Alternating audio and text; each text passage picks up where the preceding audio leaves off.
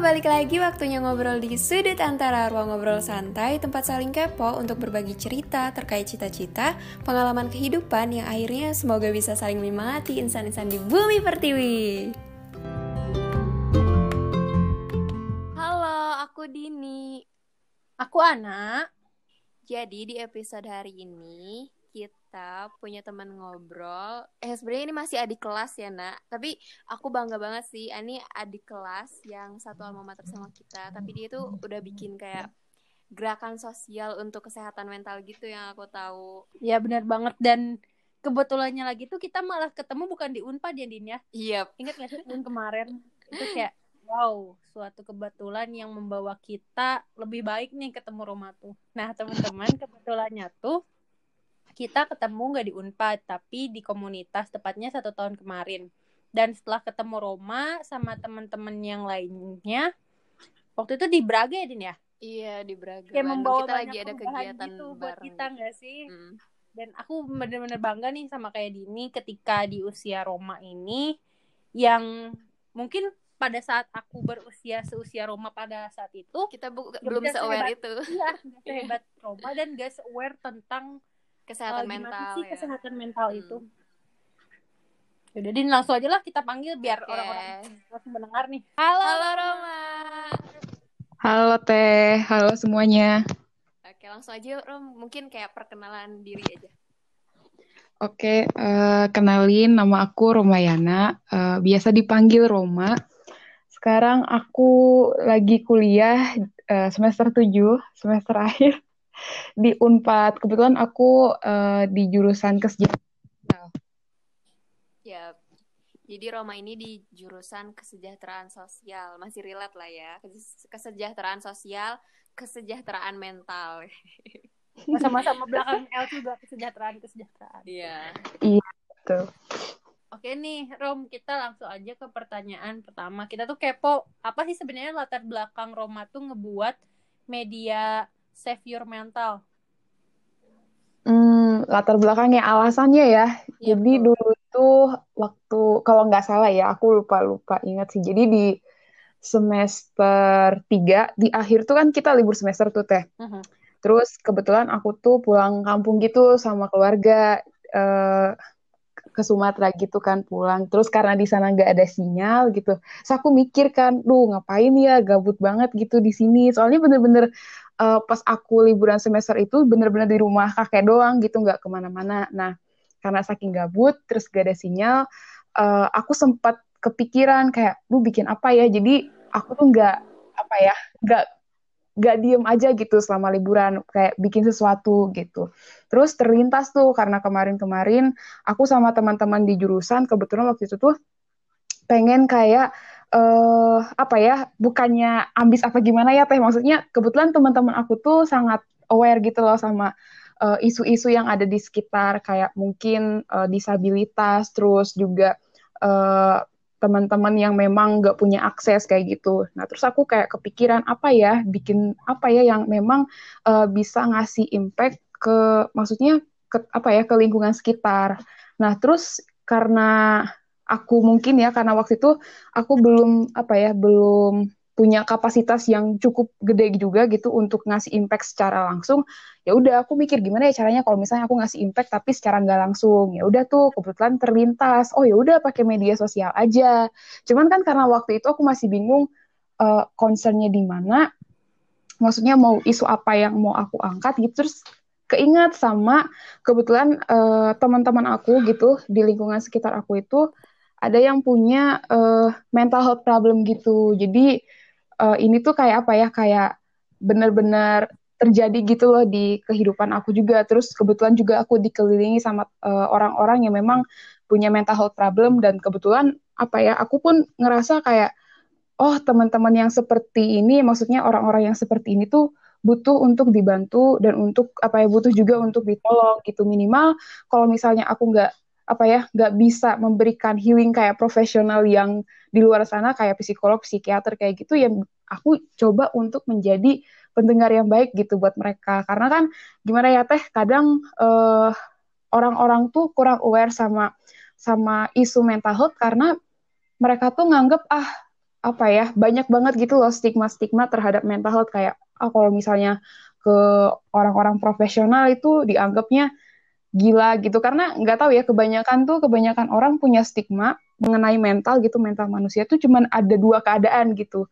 Waras sama gila gitu. Dan padahal kan sebenarnya nggak gitu gitu. Kondisi mental tiap orang kan beda-beda gitu. Kayak misalnya kondisi mental aku yang sekarang gitu dengan kondisi mental teh Ana dengan teh Dini juga pasti beda. Kayak gitu. Jadi emang berawal dari gabut sih waktu itu gabut terus bikin apa ya terus tiba-tiba karena kebetulan uh, di lingkungan yang memang uh, apa ya teman-temanku kebetulan punya mental health problem ya udah jadi aku bikin uh, savior mental gitu alasannya jadi gabutnya Roma ini sebenarnya produktif ya nak gabut iya. produktif gitu keren banget sih nak Roma nah, beneran ya, dan emang setuju setuju yeah. banget gitu kayak emang di masyarakat kita tuh masih emang gara-gara kurang awareness di kesehatan mental ini jadi kalau misalnya ada orang kayak ada gangguan sedikit di mentalnya kayak dikiranya nih orang apa sih gangguan jiwa langsung kayak mikirnya tuh langsung emang yeah. kayak mm-hmm. gangguan jiwanya gila ya kan bener mm-hmm. nah aku tadi sebenarnya mm-hmm. concern juga sih pas Roma bilang yang keadaan sih ya kalau misalkan orang-orang awam kan awam ya bu, belum teredukasi mm-hmm. cuman menilai kan tadi kalau nggak waras gila dan itu tuh emang benar-benar menyebar bahkan mm. di daerah rumahku pun kadang-kadang ih gila ya. Bahkan ini ini aku kemarin hmm. beli yeah. beli lotek nih. Stres dikit terus, pun dibilang gila kayak ya, gitu. beli lotek. Terus kayak ibu-ibu bilang gini ih gila ya dia belum nikah nikah udah 40 tahun gak waras.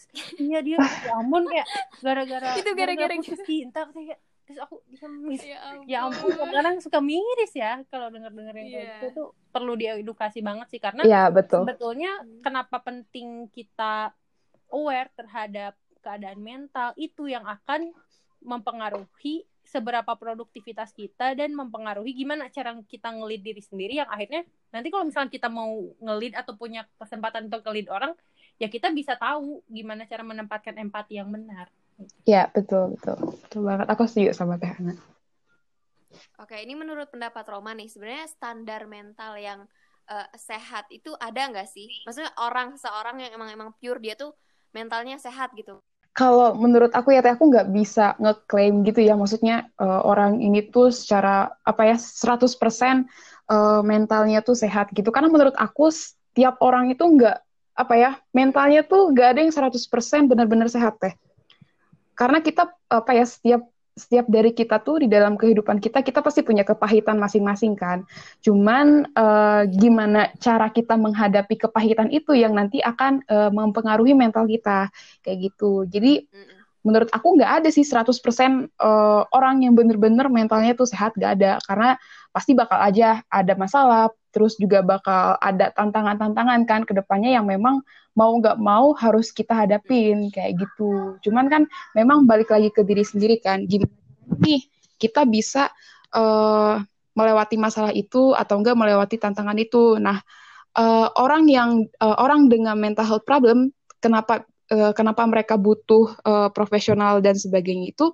Karena mungkin ini aku masih mungkin ya, karena mungkin mereka uh, merasa uh, belum mampu untuk bisa melewati masalah yang memang uh, dihadapkan terhadap diri mereka. Jadi kayak gitu teh. Jadi ya kayak gimana ya? Aku pun nggak bisa mengklaim diri aku 100% gitu uh, mental aku sehat karena ya aku juga punya masalah, punya tantangannya juga, terus uh, punya kepahitan juga yang sebenarnya uh, masih apa ya masih berproses untuk sembuh kayak gitu. Dan menurut aku pribadi uh, tiap orang itu apa ya nggak uh, ada yang benar-benar mentalnya tuh sehat secara 100% karena kan kayak yang tadi udah aku sampaikan juga sebelumnya bahwa tiap orang tuh punya masalah dalam hidupnya juga. Terus kepahitannya. Jadi ya nggak bisa disimpulin gitu. Uh, orang tersebut tuh punya mental uh, yang benar-benar sehat secara 100% gitu sih teh. Setuju sih.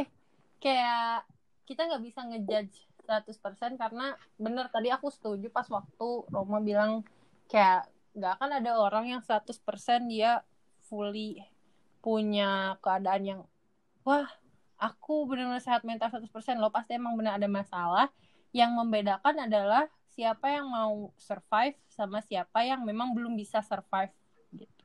Uh, nih Rom, jadi dari yang kita tahu nih Save Mental kan media untuk membuat kita lebih aware terhadap kesehatan mental.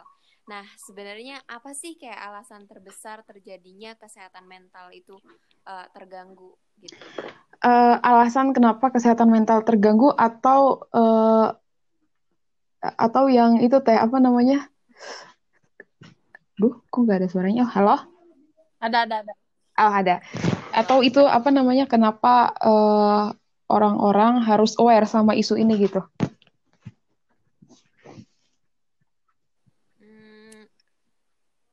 Kenapa kesehatan mental terganggu sama kenapa hmm. harus nggak apa-apa dua-duanya aja. Kenapa kayak orang perlu Oke. Okay. Uh, eh, kalau kenapa kesehatan mental itu bisa terganggu sebenarnya faktornya banyak ya teh. Uh, bisa maksudnya aku nggak bisa nyebutin apa ya spesifik gitu uh, misalnya uh, ada orang gitu dia mental health-nya terganggu gitu. Terus aku sebutin oh dia terganggunya karena ini nih. Enggak. Jadi uh, kesehatan mental seseorang bisa terganggu tuh banyak uh, yang banyak hal-hal yang bisa nge-trigger dia gitu teh. Entah itu mungkin lingkungannya tapi yang biasanya yang biasanya uh, aku temuin gitu maksudnya teman-teman yang sharing ke aku biasanya sih lingkungannya yang kadang nge-trigger dia uh, jadi mentalnya tuh bisa dibilang nggak stabil atau nggak terganggu gitu loh teh banyak sih banyak banyak banget uh, apa ya penyebab ataupun faktor yang uh, bisa ngebuat seseorang itu mentalnya terganggu atau enggak enggak stabil gitu teh. Terus kalau misalnya hmm, kalau alasannya kenapa sih isu ini tuh menjadi penting gitu untuk uh, dibawa atau enggak dikampanyekan ke masyarakat gitu ya. Karena yang tadi aku juga udah sempat bahas sih, udah singgung juga dikit bahwa ternyata uh, di masyarakat itu sendiri tuh uh, masih banyak stigma-stigma yang negatif terhadap uh, isu mental health ini sendiri teh kayak yang tadi uh, mungkin salah satunya itu banyak yang anggap kalau misalnya ada orang pergi ke profesional itu baik uh, social work, psikiater atau enggak psikolog tuh dianggapnya gila gitu kan. Padahal kan enggak kayak gitu. Maksudnya kita pergi ke profesional karena kita pengen uh, jiwa kita damai pengen diri kita tenang pengen uh, kita juga bisa melakukan aktivitas kita uh, dengan normal. Itu kan uh, balik lagi ke masing-masing gitu ya. Terus uh, banyak juga yang nganggap gitu ya teh bahwa orang-orang uh, orang -orang di luar sana yang memang punya mental health problem gitu dianggap uh, kurang beribadah lah, imannya lemah kayak gitu-gitu. Padahal kan sebenarnya ya uh, itu sama sekali hal yang berbeda gitu, nggak ada kaitannya gitu. Maksudnya ketika ada orang dengan mental health problemnya terus dicap ah kamu mah kurang ibadah atau enggak kamu imannya lemah, kamu nggak percaya sama Tuhan atau enggak apa dan sebagainya. Padahal itu uh, sesuatu yang enggak bisa disatukan ataupun dihubungkan karena uh, iya betul karena itu hal yang berbeda teh. Jadi stigma-stigma yang uh, seperti itu yang yang aku pikir harus uh, apa ya dipatahkan gitu di masyarakat mengenai uh, isu ini karena kan kalau ngomongin kesehatan mental pasti ngomongin diri pribadi ya, maksudnya diri sendiri juga yang di mana memang setiap kita itu pasti punya mental dong. Uh gila kalau ada orang yang gak punya mental kan itu uh, harus dipertanyakan juga gitu. Karena ya ini orang mm, iya betul karena kalau bahas tentang kesehatan mental kita pasti bakal bahas tentang diri kita. Kenapa? Kenapa diri kita? Karena kalau misalnya mental kita terganggu ya otomatis gitu aktivitas ataupun eh, hal-hal ataupun pekerjaan yang kita lakuin tuh pasti bakal terganggu juga. Dan kalau misalnya aktivitas dan sebagainya terganggu ini bakal ngaruh juga teh ke, ke, ke keber, keberfungsian sosial kita. Sebenarnya aku pengen bahas lanjut tentang keberfungsian sosial cuman uh, apa ya ini sebenarnya agak agak sedikit apa ya sedikit dalam kalau dibahas secara luas. Cuman simpelnya kalau keberfungsian sosial itu adalah uh, hal yang memang uh, mau nggak mau gitu harus dilakuin gitu karena ini mempengaruhi kita ke depannya gitu untuk menjalankan fungsi-fungsi kita secara sosial juga terus juga uh, memenuhi kebutuhan hidup kita dan bahkan juga uh, berkaitan uh, bagaimana kita dapat mengatasi uh, masalah dalam kehidupan kita. Jadi kalau misalnya mentalnya terganggu ya otomatis gitu keberfungsian sosialnya juga bakal terganggu yang terganggu di mana nanti uh, si pribadi itunya sendiri mungkin agak susah gitu untuk pertama menjalankan fungsi sosialnya juga, terus memenuhi kebutuhannya dan yang paling penting kan memang gimana caranya nih kita bisa survive ataupun bisa menyelesaikan masalah kita. Gitu teh. Jadi kenapa ini tuh penting banget buat diangkat dan dikampanyekan gitu di masyarakat? Ya karena tadi stigma-stigma yang memang masih negatif di masyarakat uh, mengenai isu mental health gitu teh Oke, bagus banget sih ini. Kayak semangat banget. Keren. masih muda, tapi keren banget tuh semangat. Dan emang apa ya sebetulnya nggak tahu sih mungkin hanya kurang diedukasi kurang pemahaman kurang juga media ya kalau misalkan kita ngeteknya ke angkatan-angkatan atas yang aku maksud adalah orang-orang yang udah berumur yang, ya yang masih memiliki usia dan memiliki kepentingannya yang berbeda gitu dengan kita besar harapan hmm. dengan adanya yeah. kampanye yang dilakukan oleh Roma terkait kesehatan mental itu bisa terbentuk khususnya di generasi muda karena kadang-kadang kamu harus kerja nih, kamu harus nilainya segini, kamu harus IPK segini, kamu harus jadi ini, jadi ini. Tapi lupa bahwa ternyata ada yang harus di charge nih dari diri kita yaitu apa? Tentang mental kita sendiri. Mm -hmm, betul. Yang harus selalu bagus lah betul. Kayak kadang lah simpelnya, kalau misalkan kita dulu mm -hmm. uas tuh seminggu full nih ada jadwalnya kalau misalkan kayak dituntut udah uas terus harus ini ikut lomba hmm. harus ini harus bantuin ini nih pusing lah kayak pasti pada akhirnya kalau misalkan dipaksakan hmm. recovery-nya akan semakin sulit atau misalkan memerlukan waktu yang lebih panjang jadi penting untuk kita memahami kondisi kita tuh sedang di mana nih poin mana jadi jangan sampai kayak kita tahu kita harus istirahat tapi kita maksain ya itu nantinya gapnya akan terlalu tajam iya betul betul. Terus kalau nggak salah selain di media sosial aja Roma juga sering kayak ngadain ini ya iya iya. Kita terakhir di Braga iya, itu betul. bukannya acara Savior Mental kan? Itu yang pas kita meet up terakhir ya. Uh, jadi cuma cuma di media sosial aja. Nah ini gerakannya banget sih. Kayak untuk emang kepentingan generasi muda yang diharapkannya lebih aware tentang isu kesehatan mental. Rom setahu aku nih setelah mengikuti kegiatan Save Your Mental terus ikutin juga pergerakan di sosial medianya hmm. ada pembahasan terkait social anxiety dan insecurity. Kalau menurut Roma sendiri seberapa besar sih keterkaitan hal tersebut dengan kesehatan mental tadi anxiety dan insecurity? Anxiety sama insecurity itu itu apa ya teh? Kalau menurut aku pribadi tuh uh, dua hal itu tuh sangat sangat sangat berkaitan banget sama mental kita dan kehidupan kita. Jadi apa ya ngomongin contoh nih misalnya insecurity itu kit, uh, itu tuh menurut aku pribadi ya itu hal yang wajar setiap orang eh, nggak uh, munafik juga ya. Aku sendiri pun uh, kadang insecure juga gitu sama hidup aku sendiri gitu. Dan mungkin uh, teman-teman di luar sana juga pernah merasakan uh, yang namanya insecurity. Jadi kayak nggak pede sama diri sendiri atau enggak juga sering ngebandingin diri sama orang lain gitu.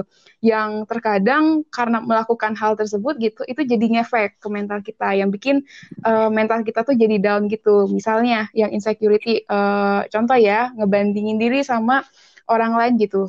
Kayak kok enak ya uh, jadi dia? Atau enggak kok enak banget sih hidupnya dia? Gitu. Padahal Padahal kan kita belum tahu gitu ya kehidupan orang itu tuh yang kita bandingkan tuh seperti apa gitu.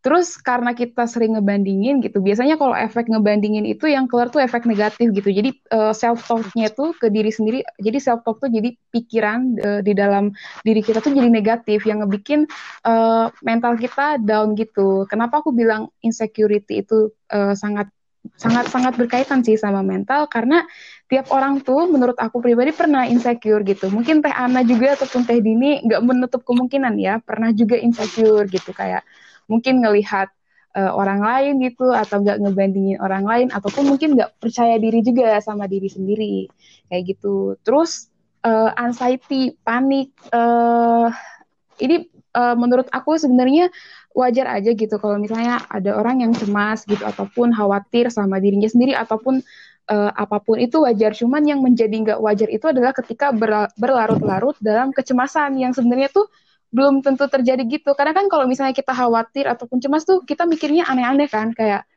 A B C D E gitu negatif mulu pikirannya padahal tuh yang apa apa yang kita pikirin gitu apa yang kita khawatirkan tuh belum tentu terjadi gitu karena pikiran negatif itu yang uh, secara apa ya secara nggak langsung itu memberikan efek sama mental gitu teh. Jadi sebenarnya nggak cuman uh, anxiety ataupun insecurity itu banyak. Jadi kayak yang tadi udah aku sampaikan sebelumnya gitu bahwa uh, mental seseorang tuh bisa nggak stabil tuh karena banyak hal gitu. Nggak cuman beberapa tapi banyak. Dan itu kita nggak bisa apa ya nggak bisa langsung ngomong uh, ah kamu tuh nggak stabil mentalnya tuh karena insecurity atau nggak anxiety enggak tapi bisa mungkin karena hal-hal lain yang memang uh, kita nggak tahu dan cuma dirinya yang tahu. Ya, bener-bener. Aku juga pernah kayak bilang ke anak kayak nak aku punya teman dia tuh cantik dia pinter dia eh pokoknya hebat banget terus kayak aku nggak ngelihat kekurangannya dari mana kayak gitu padahal kan kita nggak tahu ya itu emang karena kita belum tahu atau karena emang dia pinter mengatasi mm -hmm. menghadapi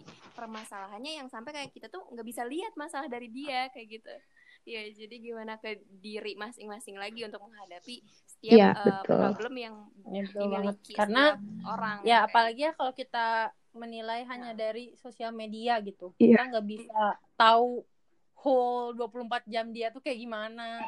Jadi nggak bisa dengan sepihak misalkan. Dia nggak punya masalah karena ya untuk apa gitu. Kadang-kadang masalah-masalah diliatin ke orang. Yang yang boleh diliatin tuh atau menurut aku ya prinsip aku tuh hmm. yang baik ya, itu bener. ketika kita sudah berhasil memecahkan masalahnya kita share nih gimana cara kita mecahin masalah atau gimana cara kita survive itu yang akan menjadi value tersendiri. Yeah. daripada kayak masalah-masalah diumbar-umbar gitu.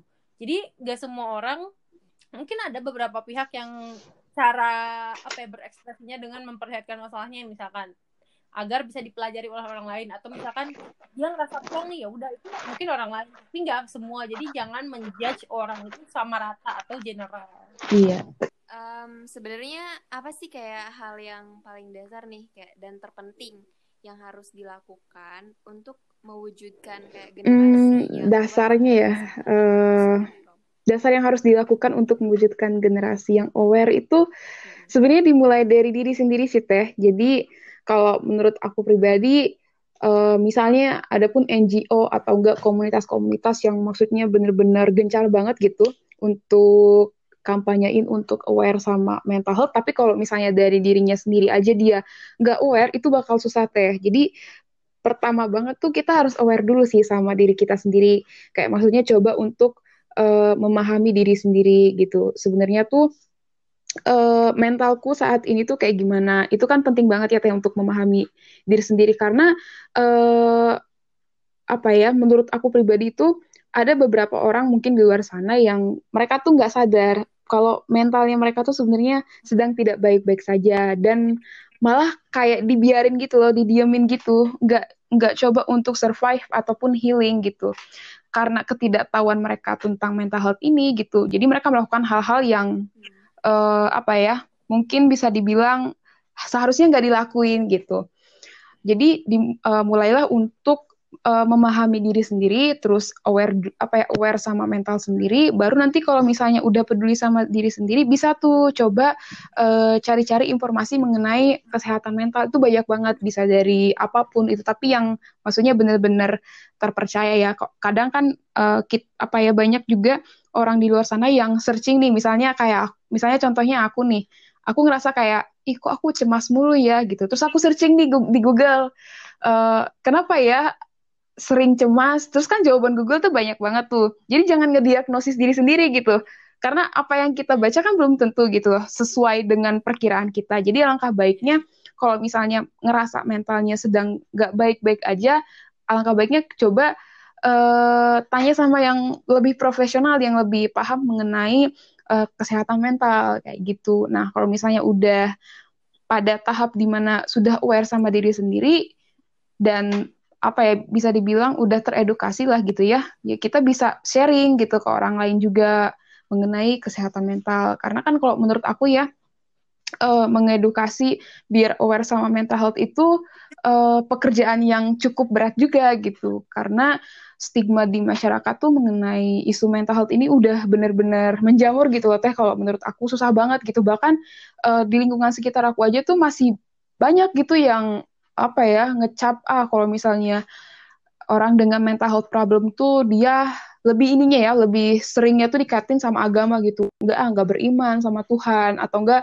ah nggak sering ke gereja nih orangnya atau enggak nggak suka baca Alkitab. Makanya tuh dia kayak gitu. Itu sering banget kalau di lingkungan aku ya. Dan uh, karena aku udah maksudnya aku udah teredukasi ya aku coba kasih tahu pelan-pelan kan. Jangan jangan ngegas ya takutnya nanti malah bikin konflik kan. Jadi aku kasih tahu pelan-pelan kalau misalnya nggak kayak gitu itu tuh dua hal yang berbeda dan nggak bisa apa ya dikaitin gitu. Ada kok orang yang rajin uh, beribadah dan sebagainya, tapi memang dia punya mental health problem gitu. Jadi itu nggak bisa apa ya nggak hanya bisa healing dengan kamu rajin ibadah, kamu uh, sering uh, mungkin membaca apa ya kitab suci dan sebagainya, tapi memang harus butuh pertolongan profesional. Seperti itu. Jadi aku pelan-pelan ngasih taunya ke orang-orang sekitar karena menurut aku edukasi diri sendiri dan juga edukasi orang lain gitu itu lebih ngefek lebih ngefek sih menurut aku dibandingkan apa ya uh, ilmunya disimpan sendiri gitu teh. Wah, setuju banget. Nah itu jadi apa ya? Yeah. Memang perlu diedukasi terkait bagaimana jika kita bertemu orang-orang yang sedang berada dalam mental problem. Mm. Karena ya itu kalau misalkan yang nggak tahu kan, iya apaan sih? Lu cengeng banget gitu kan? Karena langsung ada yang kayak gitu kan? Iya iya betul. Apaan sih lu banget? Baperan. Iya. Iya, yang kayak gitu-gitu tuh. Ya ampun. Mungkin kita pakai perspektifnya kita. Baperan kayak gitu. Ya Allah. Iya, jadi sangat penting ketika kita memiliki empati. Coba apa. kita uh, pas waktu ketemu orang-orang yang ada lagi mental problem ini, pakai sudut pandangnya mereka gitu sudut pandangnya dia jangan pakai sudut pandang kita kalau mikir Ih, itu malah baik ya itu bisa malah, malah bikin makin down kan. Tapi hmm. kalau kita pakai pendekatan mereka coba dengerin dulu. Dan aku belajar banget nih ketika ikut yang programnya Roma terakhir di Braga.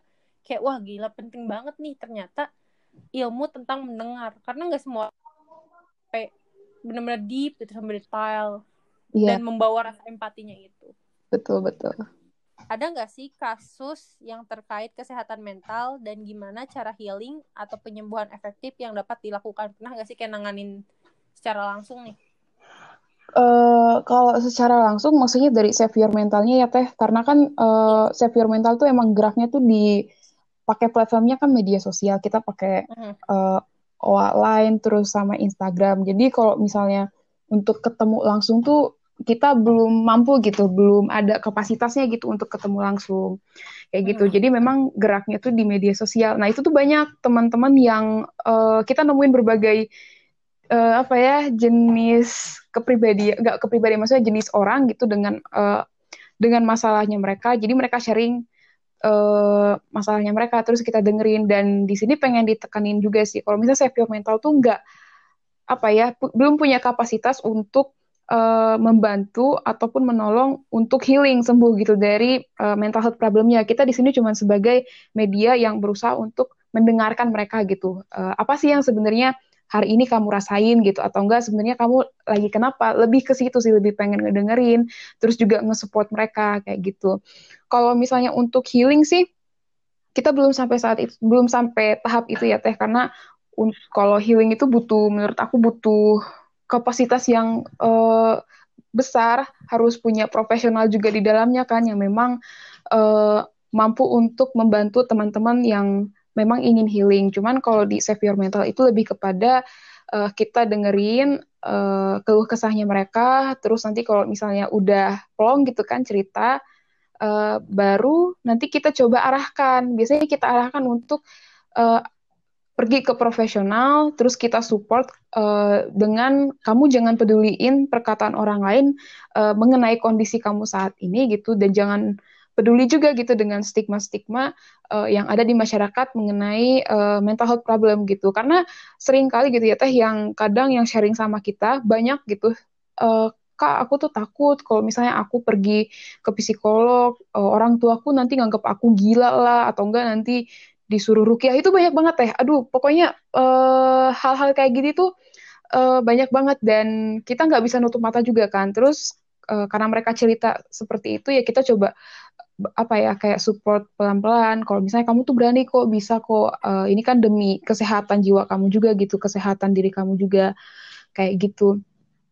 Jadi memang kita geraknya di situ. Nah, uh, puji Tuhannya baru kalau yang secara langsung sih baru yang itu teh bulan Februari kemarin yang tanggal 29 kita coba turun langsung pengen tahu nih sebenarnya kalau langsung tuh kayak gimana sih. Ternyata uh, sebenarnya kurang lebih nggak ada apa ya kurang lebih hampir sama sih. Kayak maksudnya kita kita sharing uh, dan sebagainya kita dengerin kayak gitu. Cuman yang ngebedain kalau misalnya yang sebelum uh, acara itu kita lebih ke media sosial tapi kalau misalnya yang di Februari itu kita coba untuk uh, ketemu secara langsung kayak gitu. Karena ada hal yang menarik teh kebetulan. Jadi uh, selama satu tahun lebih ini gitu uh, save your mental kalau sharing gitu ya maksudnya teman-teman sharing ke save your mental mereka tuh lebih nyaman sharing sama orang yang mereka nggak kenal dibandingkan sama orang yang mereka kenal gitu. Nah itu tuh jadi Bener apa ya, banget. ya seharusnya kan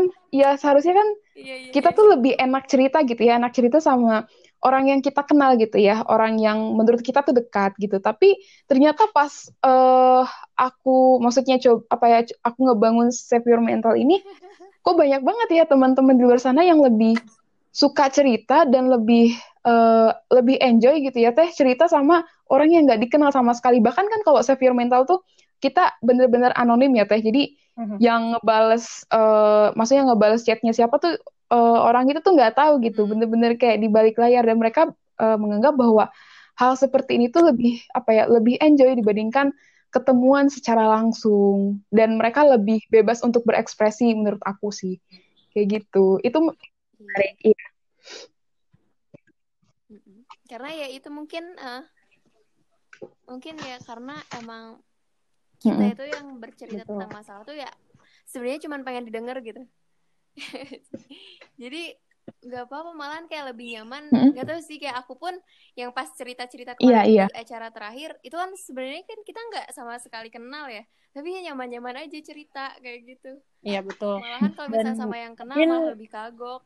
Karena aku juga pernah ngalamin kayak gitu tapi mungkin ada sedikit evaluasi sih dari aku. Bukan bukan evaluasi acaranya atau apa ya. Hmm. evaluasi terhadap sistem yang ada di lingkungan kita. Kadang betul karena kita kebiasaan kalau misalnya cerita ke temen nyebar satu dua tiga empat lima enam tujuh delapan gitu atau enggak iya betul betul. siapa siapa tahu taunya besok besok udah pada tahu dan ketika kita ada gitu beberapa yang pengen cerita ke orang tua ada suatu gap di antara anak dan orang tua itu juga yang harus menjadi concern. Karena uh, mungkin di ini nih di sini pengen jadi IRT sukses ini harus menjadi perhatian. Betul ini ini aku Aduh. untuk general ya nah, kalau orang tua orang tua sekarang karena penting membangun yeah, yeah. hubungan yang baik antara anak dan juga orang tua. Ketika orang tua sudah tidak bisa menjadi tempat teraman untuk menceritakan cerita yeah. anak-anaknya atau melindungi di garda terdepan ke mana lagi sebetulnya anak-anak? Apalagi di usia seperti ya sebelum 20 tahun lah itu masih rawan dan kalau misalkan emang orang tua tidak bisa memfasilitasi usahakanlah misalkan guru atau uh, ada gerakan-gerakan yang membuild gitu. Kalau anak tuh harus punya environment yang positif. Karena aku sekarang kebetulan lagi volunteer ngajar anak SMP dan anak-anak sekitar. Memang ada gitu yang gak bisa mempunyai kapasitas buat cerita ke orang tua. Entah pertama orang tuanya sibuk kerja. Karena kerjanya di sini bukan kantoran yang kayak gitu ya. Kayak yang sibuk ke pasar atau nggak nyawa mungkin kapan gitu ya waktunya untuk cerita ke orang tua. Ada yang kayak ibunya udah meninggal ada yang ternyata anak adopsi. Yeah. dan itu adalah gap-gap yang membuat anak tuh tidak aman. Ke mana nih harus cerita? Ya di situlah peran kita gitu. Kalau misalnya seperti aku sekarang jadi guru ya minimalnya mereka bisa share gitu siapa yang mendidiknya. Jadi memang harus ada pembagian yang jelas gitu pembagian tentang edukasi kepada orang tua atau orang-orang yang mengurus anak-anak dan ke pembagian juga di sekolah bagaimana menciptakan lingkungan yang positif dan menjadi tempat teraman untuk anak-anak bercerita. Iya betul. Bener banget sih Dan aku yakin nih yang tadi Ana ceritain juga. Iya betul betul. Mimpi dari media Save Your Mental ini ya, Rom. Dan sebenarnya apa sih kayak mimpi lainnya yang diharapkan dengan adanya media savior mental ini untuk uh, uh, kebermanfaatan? Ini berandai-andai aja dulu ya teh. iya. Iya, nggak apa-apa namanya mimpi. Iya. untuk Kalau dari untuk aku kebaikan pribadi banyak sih orang. sebenarnya kalau dari aku sendiri ya Teh, aku pengen jadiin Save Your Mental tuh jadi lembaga yang memang berbadan hukum gitu. Niatnya jadi eh, pengen coba memperbaiki juga manajemen di dalamnya, terus visi misi ke depannya juga lebih diperluas gitu Teh. Jadi nggak cuma hanya media sosial, mungkin ke depannya eh, Save Your Mental ini punya program-program yang memang eh, mendukung gitu eh, mengenai isu kesehatan mental di masyarakat. Mimpinya kayak gitu sih teh cuman ya butuh proses kan panjang untuk mencapai itu kan nggak gampang gitu. Pasti banyak hal yang harus dipersiapin. Kayak gitu sih teh itu itu mimpi aku sih. Keren keren. Udah benar-benar spesifik ya ini kayak sejauh itu Wow. kontribusi yang pengen dicapai oleh Save Your Mental Eh, keren sih kita sangat mendukung semoga bisa tercapai Amin. untuk kendalanya tersendiri nih eh, dalam membangun media Save Your Mental dari mulai awal. Ini kalau Kalau boleh tahu idenya mulai itu Desember teh itu akhir? Desember eh, tahun 2000 eh, berapa ya? Iya, Tahun kemarin ya, 2018 Desember akhir kan 2018. Nah, diwujudinnya itu di bulan Januari 2019. 2019. Wow. Pas di Januari aku udah punya ide, terus pengen coba eh, ngejalaninnya gitu kan. Kadang apa ya? Kadang tuh kalau ide tuh suka nggak dijalanin karena mager gitu kan. Cuman kebetulan waktu itu tuh punya ide pengen coba langsung dikerjain gitu biar Iya. nggak cuman jadi apa ya wacana doang gitu karena aku sendiri waktu itu terus aku ajak nih teman aku kebetulan teman dekat aku ajak eh, yuk cobain yuk bikin kayak gini dan sebagainya. Terus aku jelasin kan kenapa aku pengen bikin kayak gini dan sebagainya dan kebetulan teman aku tertarik tuh waktu itu di situ.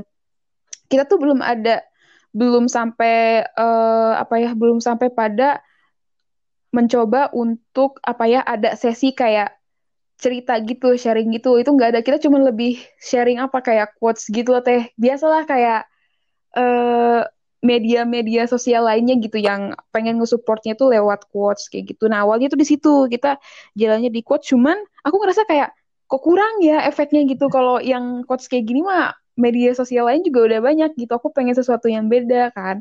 Ya udah tuh di situ aku mikir kan, eh, gimana ya kalau misalnya kita coba ajakin eh, orang-orang di sekitar kita gitu buat jadi volunteer di dalamnya. Maksudnya benar-benar ngebangun save your mental dari awal gitu. Kita coba ajakin tuh teh teman-teman dekat aku yang lain gitu kan, terus teman dekatnya dia juga gitu. Itu tuh nggak ada yang mau teh waktu itu. Jadi eh emang susah waktu itu buat ngajakin teman-teman gitu ataupun orang-orang di sekitar buat join gitu kan karena kita tuh masih apa ya masih bias gitulah maksudnya tujuannya aja belum jelas gitu kan. Eh, medianya juga belum ajak gitu. Jadi orang-orang tuh kayak eh, mungkin teman-teman aku yang aku ajak waktu itu tuh merasa kayak ah ini masih B aja gitu. Belum belum gimana ya belum ada apa-apanya gitu. Sampai akhirnya eh, aku ajakin kebetulan teman aku sih aku ajakin teman aku yang aku pikir ah kayaknya dia mau gitu terus dia mau kita bertiga nih bertiga. Karena ngerasa bertiga kurang ya udah. Kan udah jalan nih teh bertiga. Udah coba buka sharing gitu walaupun memang eh, nggak terlalu banyak gitu yang coba sharing. Dari tiga orang ini kita coba kita memutuskan untuk ayo deh ajak aja deh lewat medsos gitu. Kan siapa tahu ya orang yang kita nggak kenal memang ada apa ya ada niatan ataupun ada eh mm, untuk gabung gitu ke Save Your Mental. Dan terus ya udah puji Tuhan tuh ada sekitar 12 orang. Aku juga kayak wah ada yang ada yang mau gitu? Maksudnya masih aku percaya maksudnya di luar sana tuh masih banyak orang-orang baik gitu yang care sama eh, isu mental health. Ya udah 12 orang ini aku coba eh istilahnya aku coba pimpin gitu aku coba eh, manage gitu buat gimana caranya biar si Save Your Mental ini tuh jadi gitu. Ya selama perjalanan itu banyak kendalanya teh. Ada yang hilang-hilangan orangnya ya biasalah. Karena kan kita nggak kenal ya teh. Kita cuma tahu di media sosial karena belum pernah ketemu sama sekali gitu. Yang aku Iya, tahu tuh cuman eh, temanku ini doang. Yang aku ajak pertama sama yang eh, yang itu yang keduanya itu. Terus pas yang hampir 12 orang termasuk aku gitu sama teman-temanku itu agak susah eh, untuk apa ya nga- bukan ngatur sih teh. Maksudnya kayak uh, membagikan gitu loh job desk itu agak susah. Terus juga karena sistemnya online gitu kan, jadi remote working gitu, jadi agak susah. Pengennya pengen ketemuan langsung, tapi kita ada di berbagai tempat gitu teh, nggak apa ya, nggak di Nangor gitu waktu itu. Jadi ada yang di Jakarta, terus kebetulan juga bahkan ada yang di Sumatera juga. Jadi yeah. oh iya, jadi mau nggak mau memang uh, kita kerjanya tuh online gitu. Itu yang susah sih, yang bikin susah tuh memang kerjanya online dan kita belum saling mengenal satu sama lain waktu itu. Jadi agak susah. Terus uh, sampai di akhir 2019 aku punya keinginan sih sama teman-teman gitu. Coba yuk bikin acara yang yang yang langsung gitu biar kita bisa saling kenal gitu loh. Se, apa ya saling ngobrol juga dalam maksudnya dalam apa ya nyusun uh, acara di tahun sekarang gitu yang di bulan Februari. Terus ya seneng sih ketemu sama teman-teman yang baru pertama kali banget gitu setelah hampir satu tahun gitu ya teh, satu tahun gak ketemu gitu. Terus kita ketemu, itu kayak awkward banget sih kayak aduh baru pertama kali gitu kan baru pertama kali ketemu terus ya gitu ternyata uh, asik sih maksudnya lebih lebih menurut aku lebih enak kerja tuh secara langsung sih menurut aku dibandingkan secara online gitu agak sedikit susah juga sih karena uh, harus ngatur uh, apa ya teman-teman di sana buat uh, apa ya maksudnya bisa jalani sesuai job desknya masing-masing itu sulit itu kendala sih benar tadi kan Roma mention kalau misalkan nggak ketemu tuh apalagi belum mm -mm. ada feelnya nih yeah. rada sulit tapi ya alhamdulillah tadi pas Roma bilang udah pas udah ketemu jadi match klub seneng ya semoga bisa berlanjut karena kalau untuk kita pribadi ya Din ya kayak menggerakkan sudut antara berdua aja tuh sulit ini apalagi yeah. banyak kepala nih iya yeah, benar kalau ini kan beda ya sama organisasi karena kalau di organisasi di BEM atau mungkin Roma kan di PMK nih mm -hmm. jelas kan ada struktur iya yeah, betul ada mm. kayak ada senior ada undang-undangnya aturannya terus relasinya harus ke siapa kalau ke fakultas lalu udah aja lah masih udah sustain tapi ketika kita yang namanya membangun apalagi dari nol hmm. terus founder nyari relasi dipercaya orang itu tuh sulit sih membangun citra tersebut. Iya betul saya betul. Semangat sudut antara. Ada nggak sih pembelajaran tersendiri yang Roma rasain ketika membangun media save mental karena kalau misalkan aku nih kayak sampai episode sekarang aja tuh banyak banget input positif ilmu-ilmu yang tadi nggak hmm. tahu ya Din ya hmm. jadi tahu gara-gara banyak ngobrol sama orang kalau dari Roma sendiri apakah dari sharing atau lebih dari pendekatan ketika membantu orang menyelesaikan masalah dapat ilmunya uh, kalau aku pasti uh, selama membangun self mental tuh pasti banyak banget sih uh, pelajaran lebih ke pelajaran hidup sih. Lebih kepada pelajaran hidup bahwa uh, kalau misalnya Roma yang dulu gitu ya Roma yang dulu tuh masih orang yang cuek bodoh amat sama uh, apa ya sama masalah orang lain. Kayak yaudah lah bodo amat itu kan hidup-hidup lu gitu ngapain gue urusin? Gitu. Tapi ketika aku membangun self mental gitu aku jadi mulai menumbuhkan empati aku gitu untuk orang lain uh, mencoba memposisikan diri aku gimana ya kalau misalnya aku jadi dia gitu? Apakah aku bakal sekuat dia gitu? Atau enggak bisa enggak sih aku bisa maksudnya bisa enggak sih aku ngelewatin atau enggak uh, menyelesaikan masalah aku gitu kalau misalnya aku jadi dia? Lebih ke situ. Terus juga kalau uh, Roma yang dulu tuh paling males banget uh, ngedengerin gitu teh. Jadi aku tuh lebih seneng kalau didengerin orang gitu. Tapi kalau ngedengerin orang tuh kayak males gitu kayak, duh ngomongnya lama banget sih. Nah lebih kayak gitu. Tapi kalau uh, selama aku membangun self mental, puji Tuhan aku apa ya di maksudnya di tempat gitu lah, di tempat dibentuk gitu untuk jadi uh, Roma yang mendengarkan orang lain gitu. Karena ternyata pas awal-awal tuh uh, mencoba untuk ngedengerin emang agak sedikit sulit sih, tapi lama-lama karena aku juga belajar, aku juga berproses, ternyata mendengarkan tuh apa ya, itu tuh punya impact yang gede banget gitu ke orang yang memang dia lagi berkeluh kesah gitu. Karena kadang kan kalau orang cerita tuh nggak mau dinasehatin, mereka tuh sebenarnya lebih pengen didengar sih, pengen uh, apa ya, pengen didengar, terus juga ngeluapin emosinya mereka gitu. Bukan bu bukan untuk dinasehatin sih menurut aku. Terus pelajaran hidup sih itu lebih apa ya lebih kalau dari uh, save your mental sendiri buat ke aku sih gimana caranya aku lebih bisa bersyukur sih sama sama apa ya sama keadaan aku sekarang sama kehidupan aku sekarang kayak gitu. Ya sebenarnya nggak apa-apa ngeluh juga gitu. Nggak apa-apa ngerasa insecure nggak apa-apa. Kamu ngerasa khawatir sama uh, hidup kamu nggak apa-apa. Cuman kan uh, melalui self mental aku uh, aku belajar bahwa jangan berlarut-larut sama hal yang apa ya itu tuh nyakitin diri kamu sebenarnya. Kayak gitu sih jadi lebih uh, pelajaran hidup sih itu uh, yang aku dapetin dari save your mental. Jadi gimana caranya uh, bisa membantu orang gitu tanpa memandang backgroundnya mereka kayak gimana, terus jenis kelaminnya mereka gimana, bahkan gendernya mereka juga seperti apa, kayak gitu. Jadi uh, apa ya dari sini aku belajar membantu orang tanpa uh, memandang backgroundnya mereka, kayak gitu teh. Bener banget setuju.